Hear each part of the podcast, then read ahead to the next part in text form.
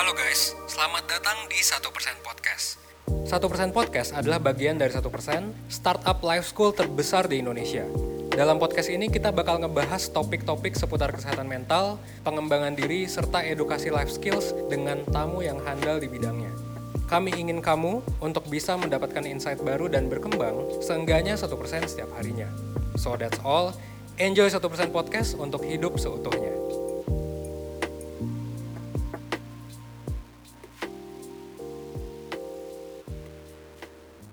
Halo Perseners, selamat datang kembali di Satu Persen Podcast bareng sama aku Vika, selaku host podcast kalian kali ini. Gimana nih teman-teman Perseners, apa kabar semuanya? Semoga teman-teman Perseners semua selalu sehat ya, amin. Perseners pernah nggak sih berada pada suatu kondisi atau perasaan yang mengharuskan Perseners untuk selalu bahagia, yang at the end of the time malah ngebuat teman-teman jadi merasa tertekan jadi aku tuh harus selalu bahagia terus setiap hari. Pokoknya apa pun yang terjadi, aku harus selalu bahagia. Jadinya tuh aku ngerasa tertekan, ngerasa stres sendiri karena aku dituntut harus selalu bahagia. Nah, personers pernah nggak mengalami hal tersebut? Kalau personers pernah mengalami hal tersebut, personers harus lebih aware lagi nih. Soalnya, itu salah satu contoh atau ciri dari toxic positivity Nah, untuk membahas lebih lanjut tentang toxic positivity, kali ini aku akan ditemenin sama salah satu mentor dari satu persen yang aware banget soal toxic positivity. Udah ada Katesha di sini. Halo Katesha. Halo Vika. Mana nih Katesha kabarnya hari ini? Baik, kamu gimana Vika kabarnya? Alhamdulillah baik juga Kak. Sekarang kakak lagi sibuk apa nih? Hmm, sekarang lagi sibuk, uh, lagi intern jadi asisten psikolog gitu, jadi mau belajar banyak lah. Sama paling mentoring, mentoringnya sekarang aku di weekend, mentoring satu persen gitu. Wah, lumayan ya kak, padat juga jadwalnya. Hmm, gitu deh. Nah kak, ngomongin soal toxic positivity, mm -hmm. aku mengutip dari salah satu berita di Indosport. Mm -hmm yang katanya ada satu sosok yang digadang-gadang jadi the next Zidane, uh. yaitu Johan Gurchuf. Nah, Kak, tapi ternyata si Johan Gurchuf ini gagal memenuhi ekspektasi orang-orang untuk menjadi the next Zidane. Oke, uh, oke. Okay, okay. Terus terus? Nah, biasanya kan setelah seseorang mengalami kegagalan, orang-orang di sekitarnya akan muncul dengan toxic positivity.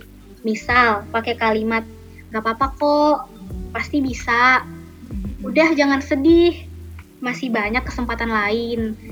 Ya, dan berbagai macam mantra-mantra toxic positivity yang lain. Nah, kalau aku boleh cerita, aku tuh pernah berada di posisi yang sama seperti Yohan Gurchuf ini, Kak. Oh, gitu. Gimana tuh? Jadi dulu pas aku masih sekolah, semua keluarga besar aku tuh pengen banget aku masuk ke fakultas kedokteran. Uh, pengen banget aku tuh jadi dokter di keluarga aku. Nah, sampai suatu ketika pas aku kelas 3 SMA, kan SMA tuh ada tuh SNM kan. Nah, pada saat pengumuman SN, ternyata aku tuh nggak lolos kak masuk fakultas kedokteran. Lalu lalu Vi? Dan pada saat itulah aku merasakan yang namanya toxic positivity. Hampir semua orang di sekitar aku tuh ngasih aku kata-kata dan kalimat yang sama. Misal, udah Fik nggak apa-apa. Masih ada SBM kok. Sabar ya Fik. Kamu pasti bisa. Dan ya kalimat-kalimat yang hampir samalah kak dengan itu. Nah kalau dari kakak sendiri sebenarnya toxic positivity itu apa sih kak? Oke, gini sih ya, sebenarnya toxic positivity itu mungkin kita bisa hmm, artikan dari kata toksiknya itu sendiri ya. Toksitas itu adalah tingkat merusaknya suatu zat ya jika dipaparkan sama organisme atau sebagai sama makhluk hidup. Jadi kita bisa sakit gitu kalau ada si toksik ini. Nah, berarti kalau ditempel sama kata positivity berarti toxic positivity itu adalah sesuatu hal yang positif tapi ngebuat kita sakit atau ngebuat kita jadi rugi gitu ibaratnya. Jadi itu semacam hmm, pola pikir yang memaksa kita untuk yuk fokus aja sama hal-hal yang positif aja deh dan secara bersamaan menolak apa pun yang kita rasa kita label negatif. Jadi tuh kesannya haram banget deh ngerasa emosi negatif gitu. Nah, banyak dari uh, ahli-ahli ya, psikolog-psikolog uh, yang mengembangkan teori populer ini, ini termasuk psikologi populer ya, baru nih. Bahwa toxic positivity itu adalah konsep ketika seseorang tuh harus fokus nih sama yang positif aja. Jadi yakin kalau kita mengabaikan emosi negatif dan aspek hidup lainnya yang kita label gak baik, negatif, kita bisa lebih bahagia. Nah itu sih pengertian toxic positivity gitu. Hmm, berarti sebenarnya kalau kita merasakan energi-energi negatif seperti marah, kecewa, sedih itu berarti ternyata nggak apa-apa ya kak? Betul, nggak apa-apa. Balik lagi, uh, semuanya itu serba relatif ya di setiap individu gitu. Uh, tingkat kepositifitas seseorang itu berbeda-beda. Makanya kita perlu hati-hati jangan sampai kita membawa nih uh, toxic positivity ini kepada orang lain. Karena uh, menurut aku juga penggunaan kata toxic ini kita perlu hati-hati loh, Fik. Kenapa? Karena yang menurutku toxic mungkin menurut orang lain belum toxic gitu. Ibaratnya itu kayak kayak spektrum gitu, kayak spektrum. Jadi yang menurut aku uh, itu toxic belum tentu menurut kamu itu udah di batas uh, paling kanannya kamu. Jadi bisa jadi banget banget uh, positivitasnya jadi terlalu berlebihan jadi masuk ke toxic nah bisa beda banget kan setiap orang gitu jadi kita memang perlu hati-hati sih menggunakan kata toxic tapi intinya ya intinya intinya jika uh, sisi positif itu sudah menjadi suatu hal yang toksik atau nggak baik ya buat kita maupun orang lain adalah kita menganggap sesuatu yang negatif itu adalah suatu hal yang buruk gitu. Jadi kita benar-benar menolak. Nah itu mungkin ciri utamanya gitu. Hmm, iya iya kak. Nah, kan kebanyakan toxic positivity di sekitar kita yang kita rasain itu melalui kata-kata ya kak. Misal kayak oh. sabar ya, semangat terus ya, atau kalimat-kalimat lain yang cuman positive vibes only gitu kan kak. Oke. Okay. Nah, apa aja sih kak sebenarnya tanda-tanda dari toxic positivity itu sendiri? Oke, kalau tanda sebenarnya aku sudah mention ya tadi sebelumnya, yaitu adalah menyangkal emosi negatif itu intinya gitu. Jadi uh, merasa bahwa ya harus positif, lagi sedih nih, lagi sedih, terus merasa bahwa aku nggak pantas nih untuk merasakan perasaan sedih. Kenapa gue sedih sih? Gitu. Jadi nggak mau tuh ngerasain si sedih ini. Nah itu tanda-tanda dari toxic positivity. Jadi alarmnya harus udah mulai nyala nih ketika kita uh, lagi, misalnya tadi ya, uh, Vika cerita gagal masuk kedokteran SNMPTN.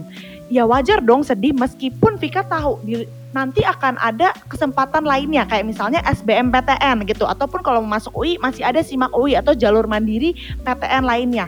Tapi kan itu nanti. Sekarang Vika lagi ditolak. Berarti kan kalau sedih wajar dong gitu. Tapi itu Vika rasa karena dengar kata-kata orang bahwa, ayo Vika kamu harus semangat. Nanti kalau nggak semangat uh, belajarnya jadi terpengaruh loh uh, buat belajar SBMPTN. Vika nggak boleh sedih ya. Nah itu udah jadi tanda-tanda toxic positivity karena menolak untuk bersedih. Padahal ya wajar dong sedih kan lagi ditolak. Sesuatu hal yang Vika impikan sekarang belum Vika dapatkan. Jadi sedih wajar ya. Ibarat anak kecil jatuh naik sepeda berdarah. Terus dia nyut-nyutan gitu ya. Berdarah nyut-nyutan. Ada rasa gremeng-gremeng gitu. Wajar dong dia merasakan uh, rasa yang gak nyaman itu. Kan baru jatuh gitu. Hmm, iya kayak berarti uh, tanda pertama dari toxic positivity itu sendiri menyangkal perasaan negatif. Tapi apa kak e, penyebab dari timbulnya perasaan negatif itu? Oke, okay. kalau timbulnya perasaan negatif itu adalah ya kondisi yang sedang kamu rasakan. Tadi Vika cerita terkait dengan Vika um, ditolak gitu ya, tidak belum terima di kedokteran. Nah, itu kan sebenarnya adalah penyebab emosi sedih yang Vika rasakan. Tadi Vika sempat mention. Nah itu penyebabnya sebenarnya. Namun mungkin Vika jadi meragukan diri Vika. Apakah harusnya aku nggak sedih ya? Kan semua orang bilang bahwa seharusnya aku semangat. Harusnya bilang udah deh nggak usah sedih deh. Nah kayak gitu. Itu yang membuat jadinya Vika meragukan apakah aku boleh ya merasakan ini, merasakan emosi negatif ini? Sebenarnya itu bukan emosi negatif sih. Uh, yang namanya emosi itu sebenarnya sifatnya netral. Kita yang ngeblame itu positif atau negatif berdasarkan biasanya adalah konsekuensi yang kita dapat dapatkan. Kayak misalnya marah. Marah sebenarnya emosinya netral aja gitu. Marah tuh bisa punya dampak yang positif loh buat diri kita kalau kita bisa meregulasinya dengan tepat. Tapi mungkin kita eh, rata-rata uh, ya mengstigma marah itu sebagai emosi negatif karena konsekuensi yang kalau kita marah itu jadinya nggak produktif gitu. Marah jadinya membuat orang lain sakit hati karena regulasi emosinya mungkin kurang optimal gitu. Dan juga berdasarkan intensitas yang kita rasakan. Misalnya kalau lagi marah kita kan jadi deg-degan atau kita bawahnya gede-gedean, uh kayak gitu kan ya. Kita nggak nyaman. Makanya kita itu ngecap itu sebagai suatu hal yang negatif. Begitu juga dengan sedih. Sedih nggak keterima uh, eh, PTN misalnya, nangis bombay gitu ya. Wajar sebenarnya nangis, tapi nangis membuat mata kita sembab, membuat kita lesu. Makanya kita melabel itu sebagai suatu hal yang negatif negatif gitu. Terus menurut kakak wajar nggak sih toxic positivity itu? Dan seberbahaya apakah dampak dari toxic positivity? Oke, okay. kalau terkait wajar atau nggak uh, wajarnya balik lagi ke setiap individu. Karena kita tuh um, setiap individu tuh unik. Kita berangkat atau kita tuh punya bekal persepsi kita atau cara pandang kita terhadap suatu hal tuh beda-beda banget. Antara aku dan Vika mungkin beda memandang suatu hal, bener nggak? Gitu ya. Begitu juga bener. tentang sisi positif, bisa beda banget. Mungkin yang menurut aku itu biasa aja, menurut Vika itu udah mem memberikan semangat. Begitu juga dengan Vika. Menurut Vika ini membuat aku semangat banget nih, positif vibes banget nih. Tapi bisa aja menurutku itu biasa aja, bener nggak? Gitu. Makanya berangkat dari situ, kita perlu sadar bahwa apa yang kita anggap positif atau memberikan semangat belum tentu itu baik bagi orang lain. Misalnya ketika orang lain sedih terus kita bilang, e, udah deh semangat aja, nggak usah sedih deh, sedih malah malah buat lo menunda untuk melakukan hal yang produktif gak sih? Misalnya kita ngomong gitu, bagi kita itu positif. Tapi bagi orang yang kita semangatin, belum tentu itu adalah cara memberikan semangat yang tepat. Uh, memberikan sisi positif yang tepat, benar nggak? Gitu kan ya? Gitu. Ya, Ada juga orang yang um, cocok nih sama uh, positive thinking gitu ya. Misalnya kita nyuruh orang lain positive thinking. Ah udah positive thinking aja pasti keterima deh. Uh, pasti bisa deh gitu. Uh, mungkin kita cocok sama itu, sama konsep itu, membuat kita semangat. Tapi belum tentu orang lain cocok. Bisa jadi orang lain yang kita suruh positive thinking ini sulit melakukan positive thinking. Jadi ibaratnya kamu diminta untuk berpikir positif. Orang yang nggak biasa uh, berpikir positif, disuruh berpikir positif, udah PR nggak Fik? Udah PR ya, itu sesuatu hal ya. yang baru bagi dia.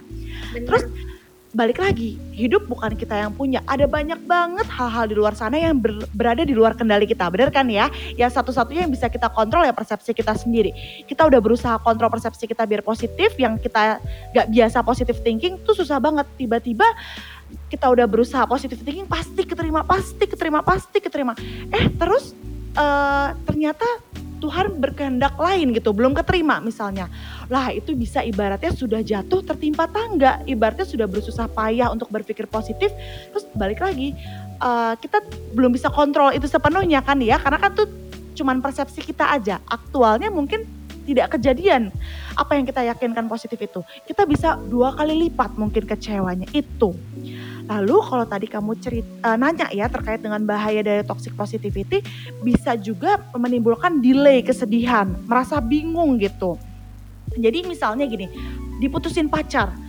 Uh, kita ini kalau diri sendiri ya konteksnya. Kalau tadi kan lebih ke kayak orang lain. Kalau diri sendiri, misalnya habis diputusin pacar atau punya masalah besar sama pacar kamu sampai uh, harus putus gitu terus uh, kita sedih tapi kita gengsi untuk merasa sedih kayak ngapain sih gue nangisin orang kayak gitu? Gitu. Atau misalnya merasa aku harusnya nggak sedih nih aku kan tangguh gitu. Jadi kita berusaha ketika baru putus itu kita berusaha untuk harusnya gue udah move on, harusnya gue udah move on, tapi tunggu dulu dong, kita aja belum menerima kesedihan, gimana kita mau move on gitu. Jadi bisa banget itu menimbulkan delay kesedihan. Yang tadinya kita berusaha untuk menghiraukan perasaan sedih kita dengan aktivitas sebanyak-banyak kayak misal menyangkal emosi negatif itu yang kita cap negatif ya sedih itu karena diputusin atau mutusin pacar. Kita kita halau. Eh, eh kejadiannya udah udah dua, dua tahun yang lalu misalnya. Terus tiba-tiba sedih nggak jelas kenapa gitu. Jadi bisa banget terjadi yang namanya delay kesedihan. Karena misalnya ada suatu stimulus pemicu gitu. Misalnya dicurhatin teman soal putus pacar. Kita udah putusnya dua tahun yang lalu, tapi jadinya uh, jadi kesedih lagi. Sedihnya sedih banget banget banget ketika ke-trigger atau terstimulasi tadi. Gitu, Vika. Wah, berarti bahaya dari kita dina, denial sama perasaan negatif itu ternyata bisa bikin suatu saat kita bakal meledak gitu ya, Kak emosi-emosi yang kita pendam bakal eksplosif kapan aja gitu kan. Ibarat kayak pohon eh pohon gunung merapi kalau meletus gitu kan kak. Meledak. Iya bisa banget Mm-mm, sangat mungkin gitu ya, tapi balik lagi ke individu masing-masing tuh gimana. Jadi ketika emosi negatif, emosi yang kita cap negatif gitu ya, emosi yang tidak nyaman yang kita rasakan, kita hindari, kita sangkal, uh, kita tidak kelola gitu. Gimana kita mau kelola kalau kita aja tidak menerima emosi itu, benar nggak? Kita nggak aware ada emosi itu. Bener. Jadi emosi tersebut bisa tertumpuk, tumpuk, tumpuk, tumpuk, tumpuk, semakin besar atau jadi semakin signifikan pengaruhnya dar meledak bisa bisa mungkin itu terjadi gitu. Kita makanya uh, kita cegah gitu. Kita perlu uh, menerima emosi, kita perlu regulasi emosi supaya tidak terjadi nih yang semacam seperti ini gitu. Hmm, terus kak batasan-batasan apa sih sampai seseorang bisa dikategorikan kecanduan dengan toxic positivity? Oke, okay. uh, mungkin adalah ketika gini sih ya, aku percaya bahwa yang namanya suatu hal tuh sifatnya spektrum atau eh, nggak uh, ada benar nggak ada salah tapi itu spektrum gitu. Ada yang berlebihan, ada yang berkekurangan. Jadi sesuatu hal yang berlebihan juga nggak baik ya, sesuatu hal yang berkekurangan juga nggak baik gitu. Kita perlu aware itu. Nah mungkin um, batasan apa sih biar yang tepat gitu ya mungkin adalah ketika kita merasa bahwa positivitas atau uh, positive thinking itu adalah satu-satunya cara yang paling baik deh. Pokoknya positive thinking adalah cara yang paling oke okay buat kita uh, lebih bisa menyelesaikan masalah dengan optimal. Jadi cenderung memaksakan hal tersebut, pandangan tersebut kepada setiap orang maupun kepada diri kita sendiri. Padahal bisa aja loh, mungkin ada saatnya di di satu aspek kehidupan atau di suatu masalah positive thinking berguna buat kita uh, bisa cepat cope with masalah kita. Tapi bisa jadi di masalah lain atau di aspek kehidupan lain, positive thinking jadi nggak kurang produktif nih kalau kita pakai pendekatannya buat menyelesaikan masalah kita. Jadi kita perlu perlu tahu bahwa itu sifatnya nggak mutlak gitu. Jadi ketika kita terlalu memaksakan itu ke orang lain maupun ke diri sendiri, merasa bahwa itu satu-satunya cara, mungkin itu bisa dibilang uh, sudah kurang kurang produktif gitu. Perlu diregulasi ulang gitu. Hmm, iya Kak. Nah, dari tadi kan kita nih ngebahas toxic positivity itu dampaknya ke kesehatan mental kita mm -hmm. yang uh, suatu saat bisa meledak kapan aja gitu kan Kak. Mm -hmm. Yang tidak baik untuk uh, mental kita. Nah, kalau toxic positivity sendiri yang berdampak ke fisik gitu apa ya Kak kira-kira? Nah, uh, kalau ke fisik gitu balik lagi yang namanya hmm, psikologis atau hal-hal yang berbau psikologis kayak misalnya perasaan cemas gitu ya. Perasaan cemas kan uh, lekat kaitannya dengan psikologis nih. Misalnya karena toxic positivity atau let's say uh, harusnya kamu sedih tapi orang-orang di sekitar kamu merasa uh, memberikan semangat dengan ayo jangan sedih kata-katanya itu ya. Mungkin itu yang bisa kita label atau kita asumsikan itu sebagai toxic positivity. Jangan sedih dong ayo semangat semangat semangat. Nah itu kan. Nah lalu kita merasa loh kok tapi gue sedih? Kenapa ya gue kayak gini? Kenapa ya aku kayak gini? Terus kita cemas nih kita merasa cemas. Aduh gimana pada akhirnya aku bisa menyelesaikan masalahku. Kalau sekarang aja aku masih nangis-nangis, kan semua orang bilang aku untuk stop nangis, tapi aku nggak bisa stop nangis. Kita jadi cemas tuh, uh, perasaan cemas tuh.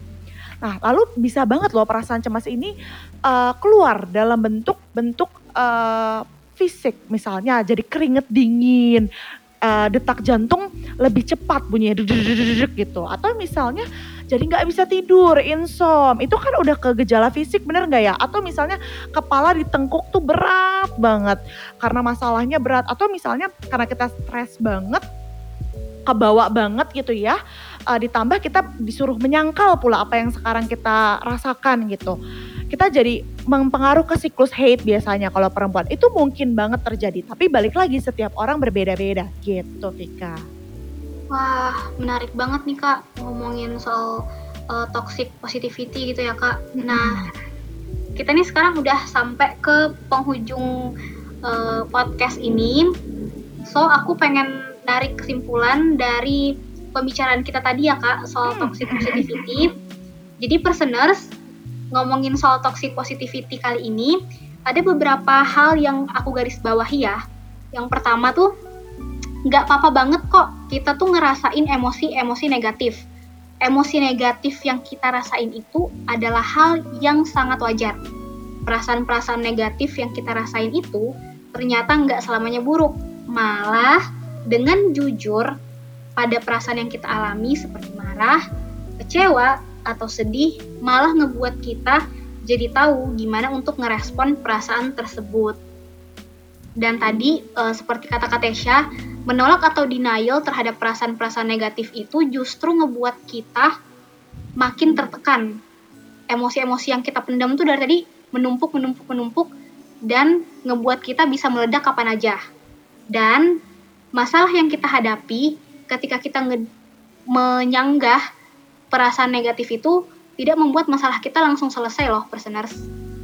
Nah, mulai sekarang, kalau kita lagi kesel, marah, atau kecewa terhadap sesuatu, seseorang atau keadaan itu nggak apa-apa. Itu hal yang normal dan wajar. Dan satu hal yang paling penting yang pengen aku ingetin ke personers, kalau ada orang di sekitar kita yang lagi nggak baik-baik aja, tolong berhenti untuk mengucapkan kalimat-kalimat good vibes only. Karena toxic positivity yang kita kasih ke orang sekitar kita nggak membuat masalah mereka selesai. Gitu. Gimana Kak Tesya? Mungkin masih ada tambahan? Betul, mungkin aku nambahin dikit aja ya. Uh, balik lagi setelah kita tahu kita nggak apa-apa untuk merasakan emosi negatif, tapi kita nggak berhenti di nggak apa-apa aja gitu. Karena dari nggak apa-apa itu, dari kita validasi, kita terima perasaan negatif itu, yang kita cap negatif itu, kita tentukan langkah ke depannya apa, yang lebih produktif, yang optimal versi diri kita, optimal di saat kondisi itu, gitu. Oke nih teman-teman personers, udah selesai sesi podcast kali ini. Untuk teman-teman personers, jangan lupa ya, satu persen podcast sekarang bisa didengarin di Spotify, Apple Podcast, dan Google Podcast. Dan untuk teman-teman personers yang mau tahu produk apa aja yang ada di satu persen, bisa langsung ke official account Instagramnya di @1%official. Sekian dari aku Dika dan Sampai jumpa di episode podcast selanjutnya ya. Dadah. Bye, listeners.